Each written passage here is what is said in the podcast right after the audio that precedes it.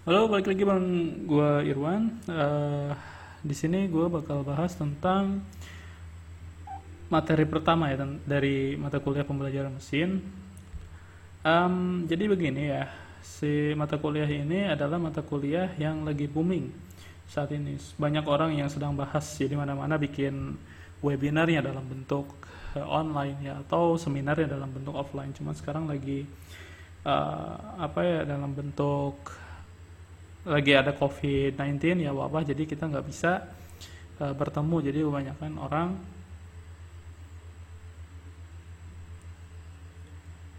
jadi kebanyakan orang masih uh, bikin webinar-webinar gitu ya dalam bentuk online. Nah, sebelum ke sana kita akan bahas dulu tentang perencanaan pembelajaran kita. Yang pertama tujuannya mahasiswa itu bisa memahami dan menjelaskan konsep dari pembelajaran mesin. Mahasiswa bisa identifikasi, analisis dan menyelesaikan masalah menggunakan pembelajaran mesin. Mahasiswa juga bisa menerapkan pembelajaran mesin untuk menyelesaikan suatu masalah. Intinya mahasiswa di sini harus kalau misalkan nanti selesai kuliah ini dia sudah bisa tuh ada uh, suatu masalah apa yang bisa di uh, selesaikan menggunakan machine learning atau mesin pembelajaran atau pembelajaran mesin ini. Nah, uh, intinya pada saat si mahasiswa itu uh, lulus dari mata kuliah ini, dia sudah bisa tuh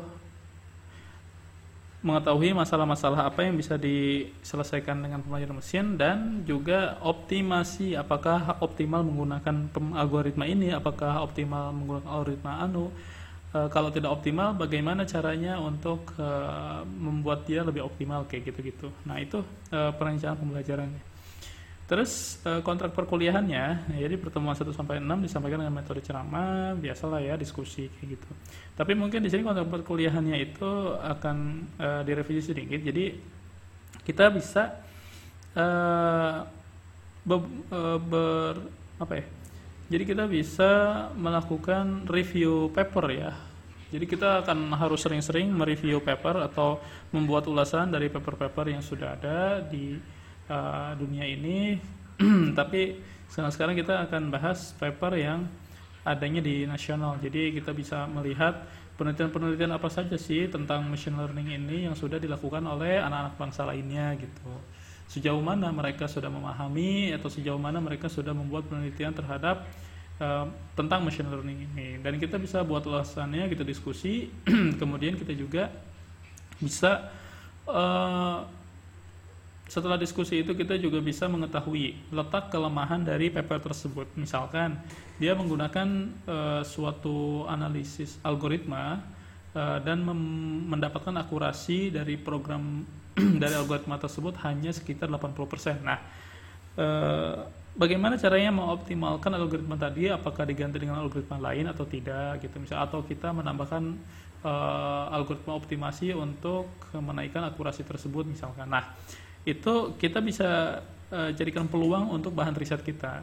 Jadi pada saat dia meli, pada saat dia meneliti mendapatkan akurasi hanya sekitar 80%, kita mencari algoritma lain ya untuk membuat optimasi sehingga akurasinya naik menjadi 85% atau 90% kayak gitu.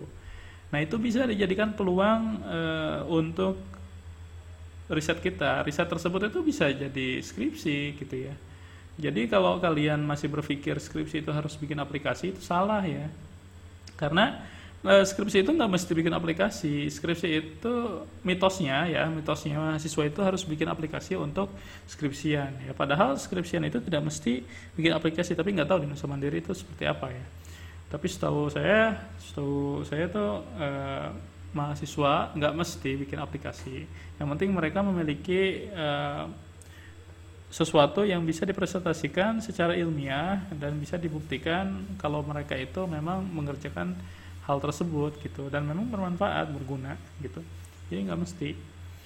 Uh, nah itu salah satu atau beberapa hal yang bisa kita jadikan bahan ya untuk uh, riset kita nanti gitu. Jadi jangan sampai kita tuh bikin uh, riset itu bikin sistem aplikasi eh, sistem informasi akademik di sekolah A temennya bikin sistem informasi akademik di sekolah B. Sama-sama sistem informasi akademik cuma beda objeknya doang terus bedanya buat apa gitu. Sekarang sistem informasi akademik ya di Tokopedia aja udah ada yang 50 ribuan gitu. Nggak usah kuliah capek-capek sampai 4 tahun kalau bikin kayak gituan doang ya. Kalau mau bikin sistem informasi akademik tapi yang di dalamnya itu punya artificial intelligence atau kecerdasan buatan di dalamnya. Jadi dia bisa memutuskan secara otomatis mana yang lulus mana yang tidak mana yang ngulang mana yang tidak kenapa dia ngulang kenapa dia lulus kayak gitu. Terus direkomendasikan kalau dia nggak lulus itu harus ngapain kayak gitu. Nah, itu harus ada kecerdasan buatan di dalamnya baru bisa lulus. Maksudnya baru bisa uh, selesai skripsinya. Kalau cuma sekedar dia bikin seluruh akademik input nilai output gitu bisa bikin ledger raport online kayak gitu aduh itu mah udah tahun berapa ya? Harusnya udah nggak ke sana lagi arahnya tapi ke dalam kecerdasan buatan ya. Bukan hanya sekedar bisa mengolah data menjadi informasi doang. Bosan kali itu bikin gituan terus dan kalau misalkan nanti saya jadi pemimpinnya mohon maaf saya tolak berkali-kali kayak gitu ya.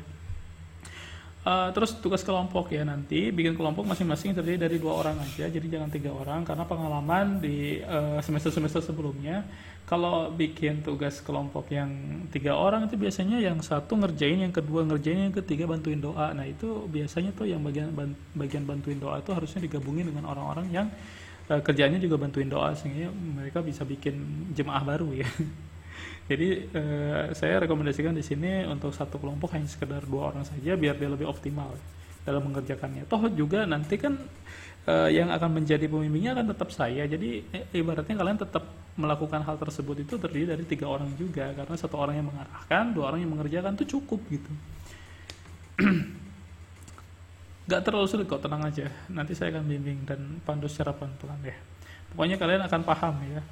Karena beberapa Eh, semester kemarin juga ada yang sudah papernya masuk ke Sinta 3 jadi teman-teman atau ke kelas kalian tuh yang saya uh, ajar kemarin di semester sebelumnya tuh sudah saya daftarkan riset-riset mereka itu menjadi paper dan saya submit ke uh, jurnal internasional, eh, jurnal nasional yang sudah terakreditasi Sinta 3. Nah, nanti kita juga harus seperti itu ya. Kita bikin paper-paper, riset-riset yang diakui secara nasional. Jadi nggak cuma sekedar bikin paper terus disimpan di uh, laptop masing-masing, jangan kayak gitu. Kita harus punya sumbangsi terhadap ilmu pengetahuan ya, sehingga nama kita akan tetap dikenang walaupun kita nanti sudah tiada. Um, rangkumkan dengan detail dalam bentuk slide presentasi ya nanti kita presentasikan jadi setelah nanti kita bikin risetnya kita presentasikan kemudian nanti saya uji uh, metodenya kenapa bikin ini terus uh, seberapa optimal, berapa akurasinya, kayak gitu-gitu. Nah, nanti kalian jawab lah. Kalau bikin sendiri ya nggak usah deg-degan biasa aja. Kalau bikin orang lain baru deg-degan karena kan nggak tahu cara bikinnya kayak gimana. Nah terus nanti buat jurnalnya dari tugas itu yang akan dipresentasikan. Nah nanti jurnal eh, kalau mau bikin eh, papernya itu sesuai dengan template paper di jurnal tersebut. Jurnal itu kan ada banyak nih, ada jurnal inti di jurnal Teknik Nusa Mandiri, jurnal inti Nusa Mandiri, ada dari jurnal UI, ada UGM, ada Unindra, faktor eksakta itu di Unindra, Sinta 3 itu. Nusa Mandiri juga ada tuh yang Sinta 3-nya. E, eh, banyak ya paper e, jurnal-jurnal itu biasanya mereka terbitnya setahun dua kali. Nah, terus kalian kalau mau lulus syarat lulusnya kan sudah tahu ya. Kalau syarat lulusnya adalah harus uh, mengirimkan LOE letter of assessment letter of assessment itu artinya uh, surat ya surat penerimaan. Jadi nggak cuma sekedar pak saya udah submit nih screenshotnya. Nggak cuma sekedar situ. Karena uh, paper yang disubmit itu belum tentu diterima. Bisa jadi paper yang disubmit itu nanti minta revisi.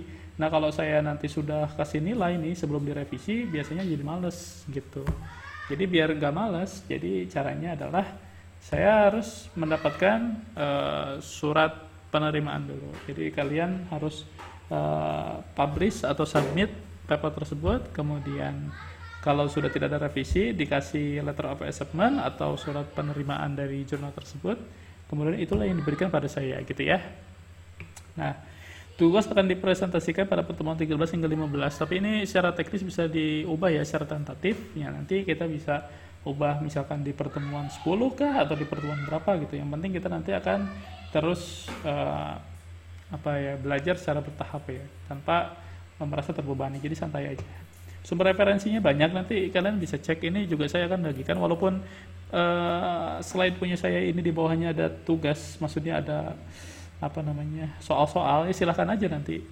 Tapi saya tidak akan mendapatkan nilai berdasarkan hal tersebut. Ya itu biasa-biasa aja. Karena bisa ngecek di Google juga banyak. Ya. Tugas-tugas dari saya mah nggak ada di Google. Jadi kalian susah untuk bikin plagiasinya sumber referensi itu ada banyaknya dari 1 sampai 10 nanti dibaca aja Uh, yang paling gampang itu sebenarnya kalian bisa baca uh, bukunya Dr. Suyanto dari uh, Univ Telkom Bandung. Beliau bikin buku tentang data mining, clustering dan klasifikasi data warna biru. Kalian bisa cek, bisa patungan sama teman kalau mau beli gitu. Itu bukunya saya rekomendasikan bagus ya. Jadi untuk pemula bagaimana cara bagaimana caranya mengolah data, bagaimana caranya menyajikan data, bagaimana caranya uh, apa tuh pra-processing data. Maksudnya kalau misalkan data ada yang nilainya kosong, bagaimana cara mengubah data yang tadinya numerik menjadi nominal gitu. Terus ada beberapa tipe data. Apa itu klasifikasi, apa itu klasterifikasi, kayak gitu ya. Nah, itu banyak nanti di bukunya Dr. Suyanto. Judulnya Data Mining uh, klasifikasi dan klasifikasi data warnanya uh, biru ke ungu-unguan gitu agak gelap.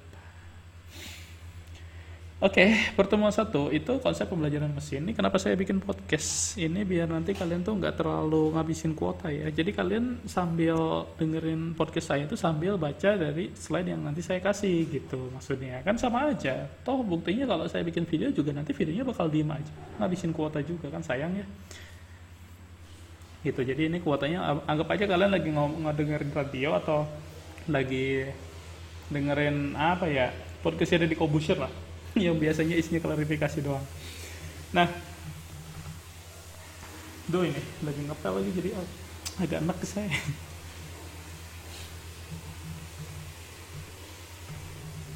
Oke, okay, uh, eh, latar belakang yang pertama memahami keterhubungan atau relationship dan ketergantungan atau dependence SIS dalam suatu koleksi data adalah suatu aspek yang sangat penting dalam menganalisis data untuk mengekstrak informasi yang ada pada data tersebut. Jadi kalau misalkan kita pahami dulu ya, kita hanya sekedar bisa menggunakan if then ya jika maka. Maksudnya gini, maksudnya uh, dulu ada yang namanya sistem pakar. Sebenarnya bukan disebut sistem pakar juga sih, itu cuma namanya doang. Tapi cara mikirnya nggak kayak pakar dia kan hanya sekedar representasi suatu pengetahuan aja. Contohnya misal dulu kan ada yang bikin aplikasi seperti uh, diagnosis uh, malaria. Nanti ada pertanyaan nih. Pertanyaan pertama apakah anda demam? Ya tidak. Kalau ya maka nanti ada pertanyaan selanjutnya. Apakah ada bintik-bintik merah? Gitu. Apakah anda nafsu makannya menghilang? Mau menghilang? Menurun. Apakah nanti uh, apakah anda pusing? Apakah anda mengalami lemas? Apakah anda berkeringat sepanjang malam? Misalkan gitu nah nanti hasilnya tuh di akhir.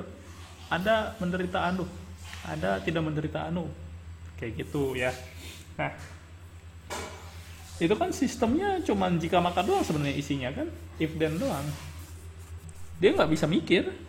Jadi dia tidak bisa tuh menyajikan uh, apa pengetahuan selain dari yang sudah kita suntikkan atau kita masukkan ke dalam sistem tadi gitu. Beda halnya dengan machine learning. Kalau machine learning itu datanya di awal aja. Kita nah, data yang di awal itu kita kasih ke mesin ini loh kalau ini gitu. Misalkan kalau ciri-ciri e, kalimat negatif tuh ini loh. Kalau ciri-ciri kalimat positif tuh ini loh kayak gitu. Nah nanti si mesin itu bisa mikir.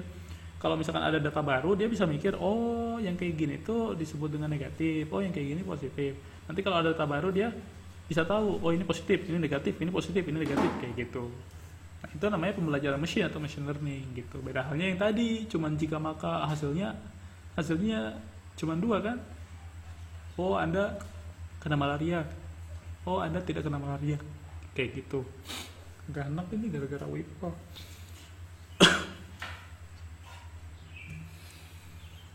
Nah, deskripsi struktural tersebut dapat digunakan untuk memprediksi output pada suatu situasi yang baru, memahami dan menjelaskan bagaimana prediksi tersebut dihasilkan. Memprediksi output pada suatu situasi yang baru tadi ya. Jadi kita hanya di awal uh, memberitahu si mesin tadi berjalan, kemudian kita nanti bisa uh, mengimplementasikan hasil tersebut kepada data yang baru. Oh ini negatif, oh ini positif. Ya. Nanti mesinnya bisa tahu kayak gitu. Memahami dan menjelaskan bagaimana prediksi tersebut dihasilkan. Nah, kok bisa sih mesin itu bis, uh, kok bisa sih mesin itu tahu ini uh, kalimat negatif, ini kalimat positif, caranya gimana ya gitu. Nah, nanti itu pakai algoritma, algoritma seperti apa nanti kita tambah satu persatu. Kemudian kita tidak ketika tidak ada pendekatan pemodelan yang mudah untuk melakukan hal tersebut, maka metode metode cerdas dikenal juga dengan nama machine learning jadi solusi alternatif. Nah, jadi kalau misalkan ada pengetahuan tadi, kemudian pengetahuannya secara terbatas hanya sekedar oh Anda kena malaria, oh Anda tidak kena malaria gitu. Itu kan uh, tidak apa ya, sangat terbatas ya maksudnya tidak uh, belajar dia hanya mengeluarkan hasil yang sudah ditentukan sebelumnya gitu. Beda halnya dengan pembelajaran mesin. Jadi pembelajaran mesin itu ibaratnya dia hanya dikasih tahu sekali, nah dia bisa berjalan secara otomatis. Secara otomatis dia bisa memprediksi sesuatu secara otomatis berdasarkan data yang sudah kita kasih tahu sebelumnya, tanpa harus kita kasih tahu berulang-ulang gitu. Apa itu pembelajaran mesin? Mesin di sini konteksnya adalah mesin komputer atau program komputer, bukan mesin cuci atau mesin yang lainnya ya. Pembelajaran dalam konteks ini yang disebut pembelajaran itu adalah peningkatan kinerja pada tugas tertentu melalui pengalaman. Namanya belajar kan kayak gitu. Jadi yang namanya belajar ya tadinya tidak tahu menjadi tahu. Kita misalkan ada anak kecil e, itu apa ya? Itu mobil gitu. Terus yang kita lihat yang kita lihat itu atau yang ditunjuk anak tadi itu hanya mobil yang rodanya empat gitu. Terus ada kendaraan yang rodanya enam gitu. Tapi tuh anak bisa tahu kalau itu juga mobil. Nah itu kok bisa tahu kayak gitu? Nah itu namanya belajar tuh terus misalkan yang kayak gini namanya e, pesawat yang bisa terbang. Nah itu namanya belajar kayak gitu. Sama juga mesin juga dikasih tahu kayak gitu. Nanti kalau misalkan pesawat yang ditunjuk itu Garuda kalau nanti Lion Air gimana? Tetap aja si anak tersebut akan menjauh pesawat karena dia sudah tahu kalau ciri-ciri pesawat tuh gini gini gini gini atribut pesawat tuh anu gitu. Tanpa harus kalau Garuda kalau pesawat kalau Garuda itu pesawat kalau bukan Garuda bukan pesawat nggak bisa gitu. Itu namanya bukan belajar atau belajarnya gak benar? Nah pembelajaran mesin itu ya berhubungan dengan komputer atau program yang secara otomatis dapat mendengar kerja komputer melalui pengalaman. Tadi yang udah dijelasin ya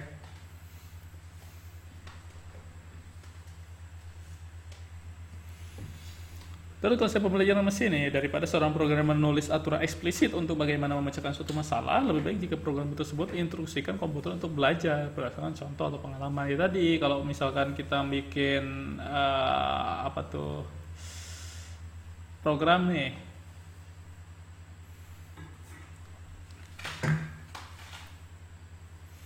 misalnya kita bikin suatu program ya program program tersebut itu hanya untuk menyelesaikan menyelesaikan suatu masalah tertentu. Nah, kalau kita pakai mesin pembelajar itu, aduh enak banget sih. Kalau kita pakai mesin pembelajaran itu kita nggak mesti tuh uh, apa namanya mengimplementasikannya berkali-kali. Jadi kita hanya cukup mengasih tahu dia sekali, terus kemudian setelah itu dia bisa uh, berpikir atau belajar dengan sendirinya.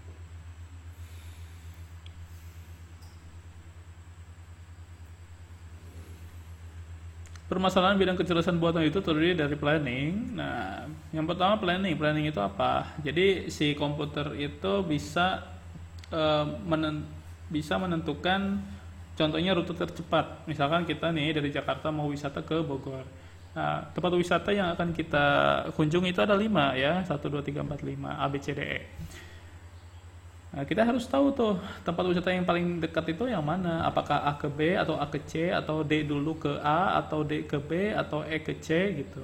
Nah, nanti dari ke, dari C ke mana gitu. Yang paling dekat dulu. Nggak bisa kita misalkan dari A ke B tapi A-nya di ujung barat, B-nya di ujung timur gitu. Padahal di antara A dan B itu ada C D E gitu. Kenapa kita nggak ke A dari A ke C dulu? Kenapa ke A ke B terus dari B ke C? Ternyata dari B ke C itu lebih jauh Nah ternyata juga C itu lebih dekat ke A bukan ke B misalkan kayak gitu. Nah itu bisa menggunakan uh, kecerdasan buatan ya untuk menyelesaikan masalah tersebut gitu ya.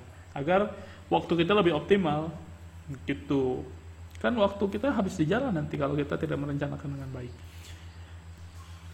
selanjutnya representasi pengetahuan yaitu merepresentasikan pengetahuan dalam bentuk formal nah, dengan representasi formal tersebut kita dapat menginferensi dengan operasi logika berbentuk simbolik gitu.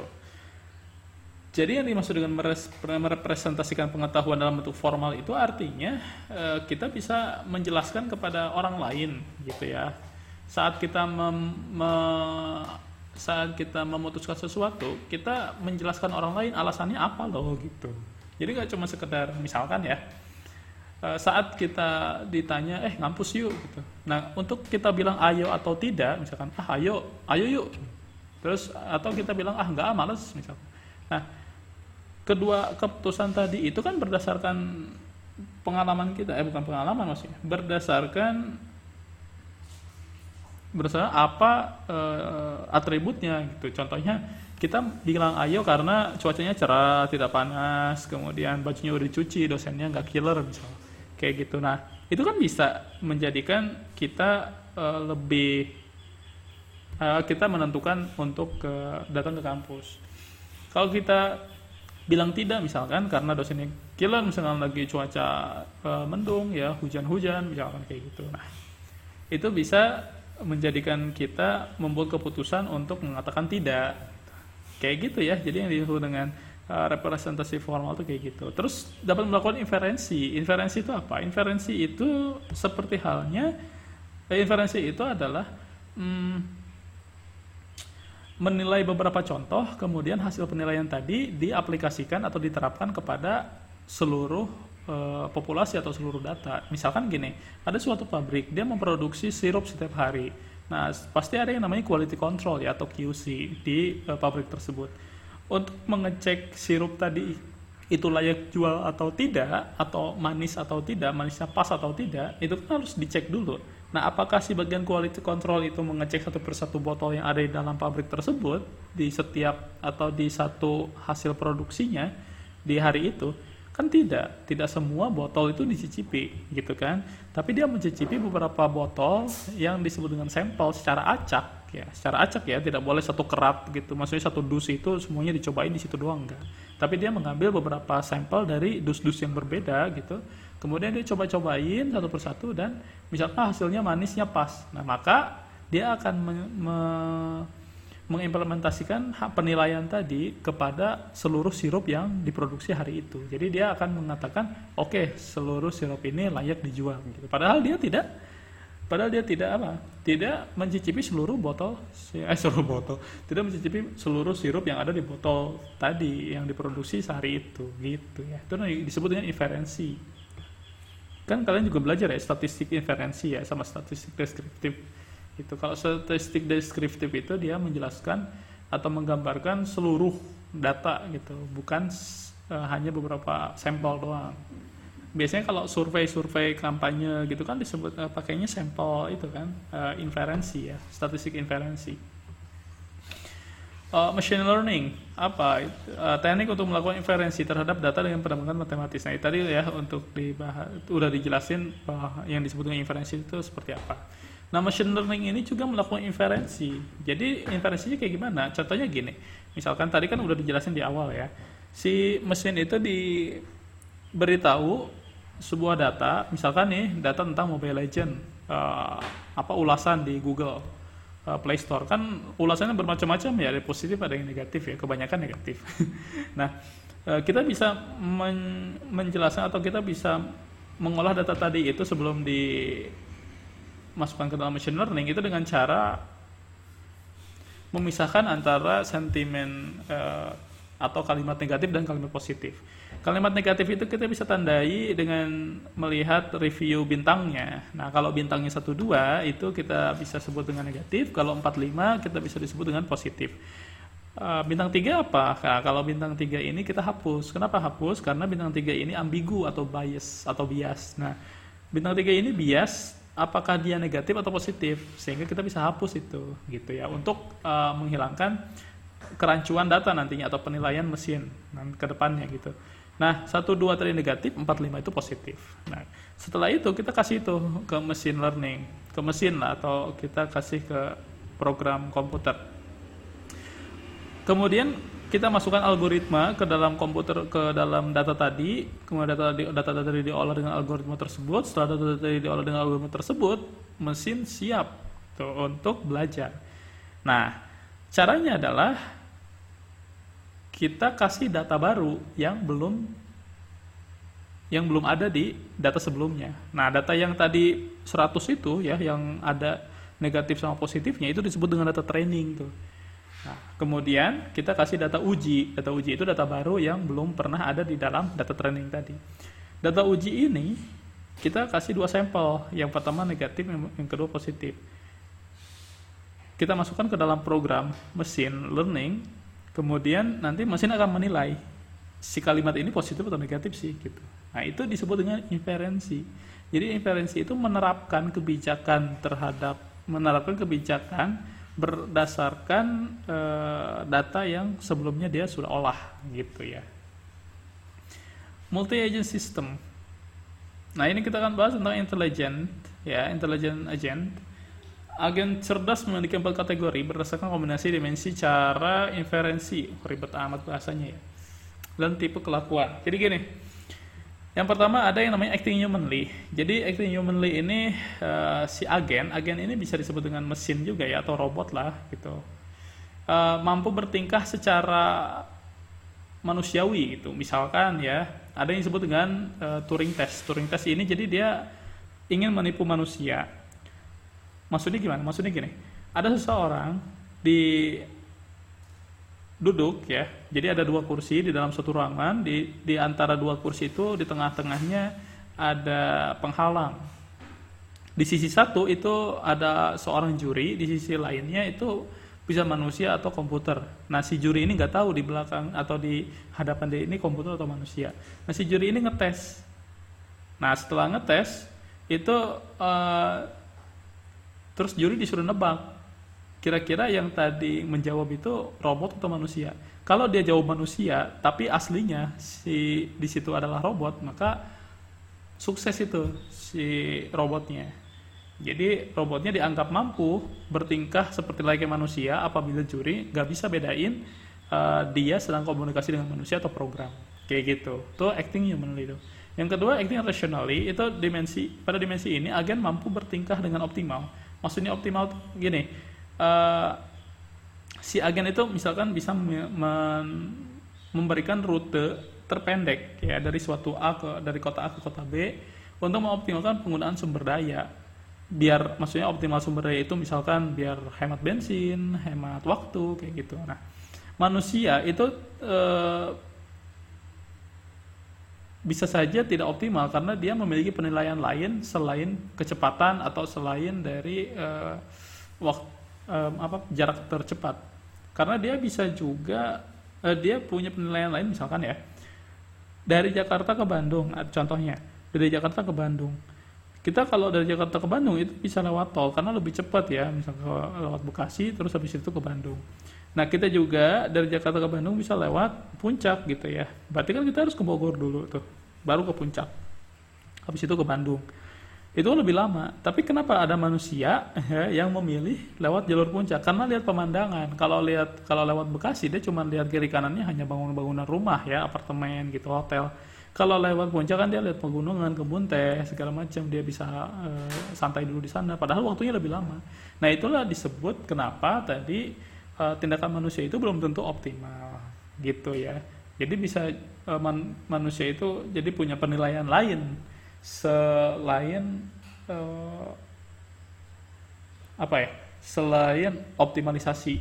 Kan nggak cuman sekedar yang penting gue nyampe Bandung gitu. Tapi dia ada gue pengen ke Bandung tapi ada pemandangannya kayak gitu-gitu kan. Nah itu acting rationally. Yang eh, selanjutnya thinking humanly di pada dimensi ini agar mampu berpikir seperti manusia dalam segi, segi kognitif ya contohnya mampu mengerti apa itu kesedihan atau kesenangan jadi kalau kalian itu uh, masih punya RAM tersisa ya di punya bukan RAM apa tuh namanya storage ya kalau kalian masih punya internal storage tersisa di HP kalian itu bisa kalian install namanya Google Duo. Nah, Google Duo itu kayak asisten punya Google, dia itu bisa berinteraksi layaknya manusia gitu. Jadi kalau misalkan kita uh, lagi bete terus kita bilang saya pengen lelucon. Nanti dia ngasih lelucon terus kemudian saya pengen main game. Nanti dia bisa tuh main game sama kita. Terus misalkan kita butuh uh, lokasi ATM terdekat dia ngasih tahu ATM terdekat ya di sekitar kita di mana aja. Itu dia bisa ngasih tahu kayak gitu tuh. Dia sudah bisa kayak gitu. Misalkan dia dimarah-marahin itu dia bisa ngambek. Kemudian dia dipuji-puji dia itu bisa bisa seneng gitu. Dia bisa muji balik gitu. Nah itu udah thinking humanly tuh si uh, Google Duo itu hebat dia kalau kalian punya itu ini cocok ya untuk kalian-kalian yang memang sudah jomblo akut ya dari dulu ya bisa jadi bisa menjadi uh, obat untuk sementara atau selamanya ya. Uh, setelah itu kalian bisa screenshot ya hasil obrolan kalian dengan Google Duo dan nanti kalian pamerkan ya ke orang lain ya kalau kalian sudah punya pacar. Oke, okay, yang selanjutnya thinking rationally. Pada dimensi ini, agen mampu berpikir secara rasional. Sederhananya, sesuai dengan konsep logika matematika. Thinking humanly lebih cenderung pada pemodelan kognitif secara umum, sementara dimensi thinking rationally cenderung pada pemodelan proses berpikir dengan prinsip optimisasi.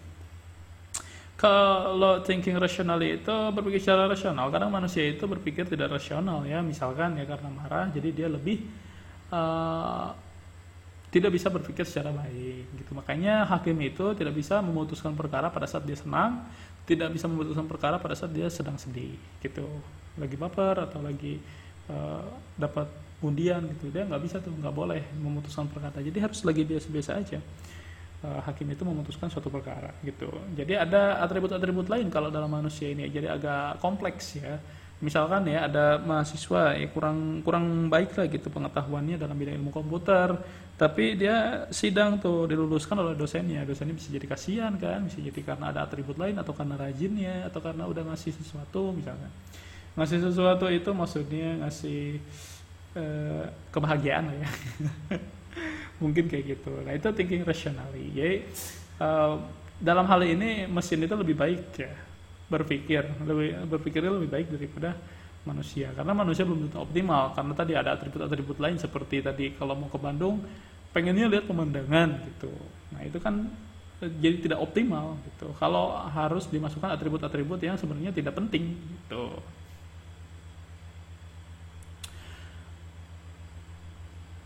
Oke, belajar dari data. Salah satu definisi dari pembelajaran mesin itu sebuah program komputer yang dapat meningkatkan kinerja dari sebuah tugas yang diberikan berdasarkan pengalaman, contoh atau data. Tugas itu masalah yang diberikan pada program untuk diselesaikan. Tugasnya apa? Jadi kalau misalkan tadi machine learning yang pertama untuk membedakan mana kalimat negatif, mana kalimat positif, nah itu tugasnya berarti untuk membedakan tuh kalimat positif mana, kalimat negatif mana. Kinerjanya, eh, kinerja itu apa? Kinerja itu program, kinerja program dalam menyelesaikan masalah melalui evaluasi tertentu. Ini seberapa hebat sih si uh, mesin ini bisa membedakan kalimat negatif dengan kalimat positif. Misalnya kita ngasih contoh kalimat negatif nih, terus kita kasih ke mesin, eh ternyata dia nilai dengan kalimat positif. Lah ini berarti ada kesalahan nih. Berarti kita cek tuh akurasinya. Akurasi si mesin ini sebenarnya berapa persen sih gitu. Kalau cuma 50 persen ya bahaya kan. Kalau 50 persen berarti dia bisa menimbang ini positif atau negatifnya lebih ya, apa kurang baik gitu. Kalau misalkan akurasinya lebih dari 90% tuh berarti udah hebat di si mesin itu. Jadi kalau misalkan akurasi 90% dari 100 data baru yang diujikan, berarti hanya ada 10 data yang salah prediksi gitu. 90-nya benar. Begitu ya. Pengalaman, data atau contoh yang digunakan program untuk belajar sehingga dapat meningkatkan kinerjanya. Yang disebut dengan data training, tadi kan data yang dimasukkan ke dalam sistem agar eh, dimasukkan ke dalam mesin ya agar di, si mesin tadi belajar. Nah, data yang dimasukkan ini juga harus bagus. Jadi jangan sampai misalkan nih, data yang kita masukkan dari 100 itu semuanya positif atau 90-nya positif cuman 10-nya yang negatif. Itu nggak baik itu datanya imbalance atau tidak seimbang. Jadi data itu harus seimbang. Misalkan 60-40 atau 50-50 kayak gitu ya. Jadi nggak boleh tuh data itu 90-nya positif 10-nya cuma negatif gitu. Nanti akhirnya kebanyakan uh, data atau men, si mesin itu menilainya jadi kurang baik akurasinya jadi kurang bagus. Walaupun misalkan nanti algoritmanya juga udah baik. Algoritma baik itu bagus tapi sebelum kita menimbang algoritma mana yang harus dipakai, kita juga harus tahu data training yang kita miliki itu juga harus bagus dulu gitu. Jangan tadi apa kalimat negatifnya cuma 10, kalau positifnya ada ada 90, jangan kayak gitu. Datanya harus balance. Tapi kalau misalkan kita terpaksa punya data setnya atau data trainingnya 90 10 tadi kalimat negatifnya 10 kalimat positifnya 90 terus gimana tuh? Nanti ada tuh algoritma untuk membuat datanya seimbang. Itu nanti ada urusannya. Santai aja pelan-pelan kita belajar ya. Uh, ketersediaan data data. Nah, ketersediaan data pada saat ini sangat mudah untuk mengumpulkan data. Ya, data banyak diberikan secara gratis ya. Kebanyakan di antaranya ada informasi digital. Karena semakin jadi gini ya tadinya harus bahas di awal sebenarnya kita ini hidup di era digital yang di mana data itu di mana-mana ada. Sebenarnya dari dulu data itu udah banyak ya. Kenapa kok sekarang makin banyak? Karena sekarang kan ada internet, jadi setiap data itu terekam. Beda halnya zaman dulu. Zaman dulu tuh orang ngobrol itu nggak direkam. Sekarang orang ngobrol tuh direkam. Ini kayak sekarang kan ngobrol direkam. Ini bisa jadi data kan, data data audio kan. Kalau dulu orang ngobrol nggak direkam, jadi datanya hanya sekedar data, tidak bisa direkam. Contohnya misalkan e, kita berada di dalam ruangan, terus kemudian kita bilang ih dingin ih gitu. Ya zaman dulu kita cuma sekedar bilang dingin gitu, tapi zaman sekarang kita bisa tahu dinginnya itu berapa derajat Celcius kayak gitu. Misalkan kita cek ih dingin ih gitu, terus kemudian kita lihat di remote-nya ada di dalam displaynya muncul angka 5 derajat Celcius misalkan kayak gitu ya kita tahu tuh ternyata suhu di dalam ruangan tersebut 5 derajat Celcius. Kalau zaman dulu kan enggak cuma sekedar dingin. Nah jadi sekarang itu e, data sangat banyak sehingga nggak ada alasan lagi kalau misalkan mahasiswa itu e, kebingungan untuk bikin skripsi. Kenapa? Ya karena data udah banyak. Data itu nggak cuma sekedar data. Mungkin kalian yang masih berpikiran data nyari data itu susah itu berarti kalian tuh hanya mikirin data yang sifatnya privat karena data itu jangan e, mikirin data yang privat dulu. Data privat itu susah nyarinya. Karena data privat itu kan milik organisasi tertentu. Bisa jadi punya perusahaan bisa jadi punya sekolahan, bisa jadi punya kampus, dan mereka kan punya kebijakan tersendiri terhadap data mereka. Mereka kan nggak mau data tersebut diolah oleh orang lain, kemudian bocor keluar gitu. Sehingga kalian harus mencari alternatifnya dari data tersebut. Ya, makanya kita harus nyari data yang sifatnya publik. Data yang sifatnya publik itu kayak gimana? Ya banyak. Kayak kalau misalkan kalian nih bikin grup WhatsApp, nah kalian chattingan tuh di dalam grup WhatsApp tersebut. Nah kalian tuh bisa tahu tuh, ya, bisa tahu itu disebut data, data publik. Terus dapat dari eh, dapat apaan dari data publik itu kita bisa tahu siapa saja yang paling pendiam. Terus kita juga bisa tahu siapa saja yang suka ngebully, kita bisa tahu siapa saja yang sering dibully, kita juga bisa tahu uh, apakah pendiam, apakah orang-orang yang tipenya pendiam di grup WhatsApp itu nilainya bagus ataukah tidak gitu. Apakah ada pengaruhnya? Apakah ada kaitannya antara pendiam dengan nilai besar? Apakah yang paling cerewet itu ternyata nilainya jelek misalkan kayak gitu? Nah itu bisa tuh. Jadi data itu jangan hanya berpikir secara klasik ya zaman dulu atau konvensional. Kita dulu berpikir yang namanya data untuk observasi eh sorry yang namanya data untuk penelitian itu harus ngambil data yang privat dari organisasi. Tidak zaman sekarang itu data banyak sekali ya data yang dari WhatsApp group data dari Twitter data dari artikel uh, data dari uh, status Facebook data dari ulasan Google review data dari ulasan yang ada di Play Store aplikasi oh banyak itu data. Jadi kalian uh, bohong sekali kalau dibilang uh, bikin skripsi itu sulit karena data sekarang sudah banyak di mana-mana. Makanya uh, nanti pembahasan kita tuh akan mengarah kepada bagaimana data itu diolah dan riset riset-riset tentang machine learning itu seperti apa sehingga kita bisa uh, mengetahui atau terbuka pikirannya bahwa yang namanya skripsi itu tidak hanya sekedar sistem informasi akademik atau tidak hanya sekedar sistem informasi apa gitu ya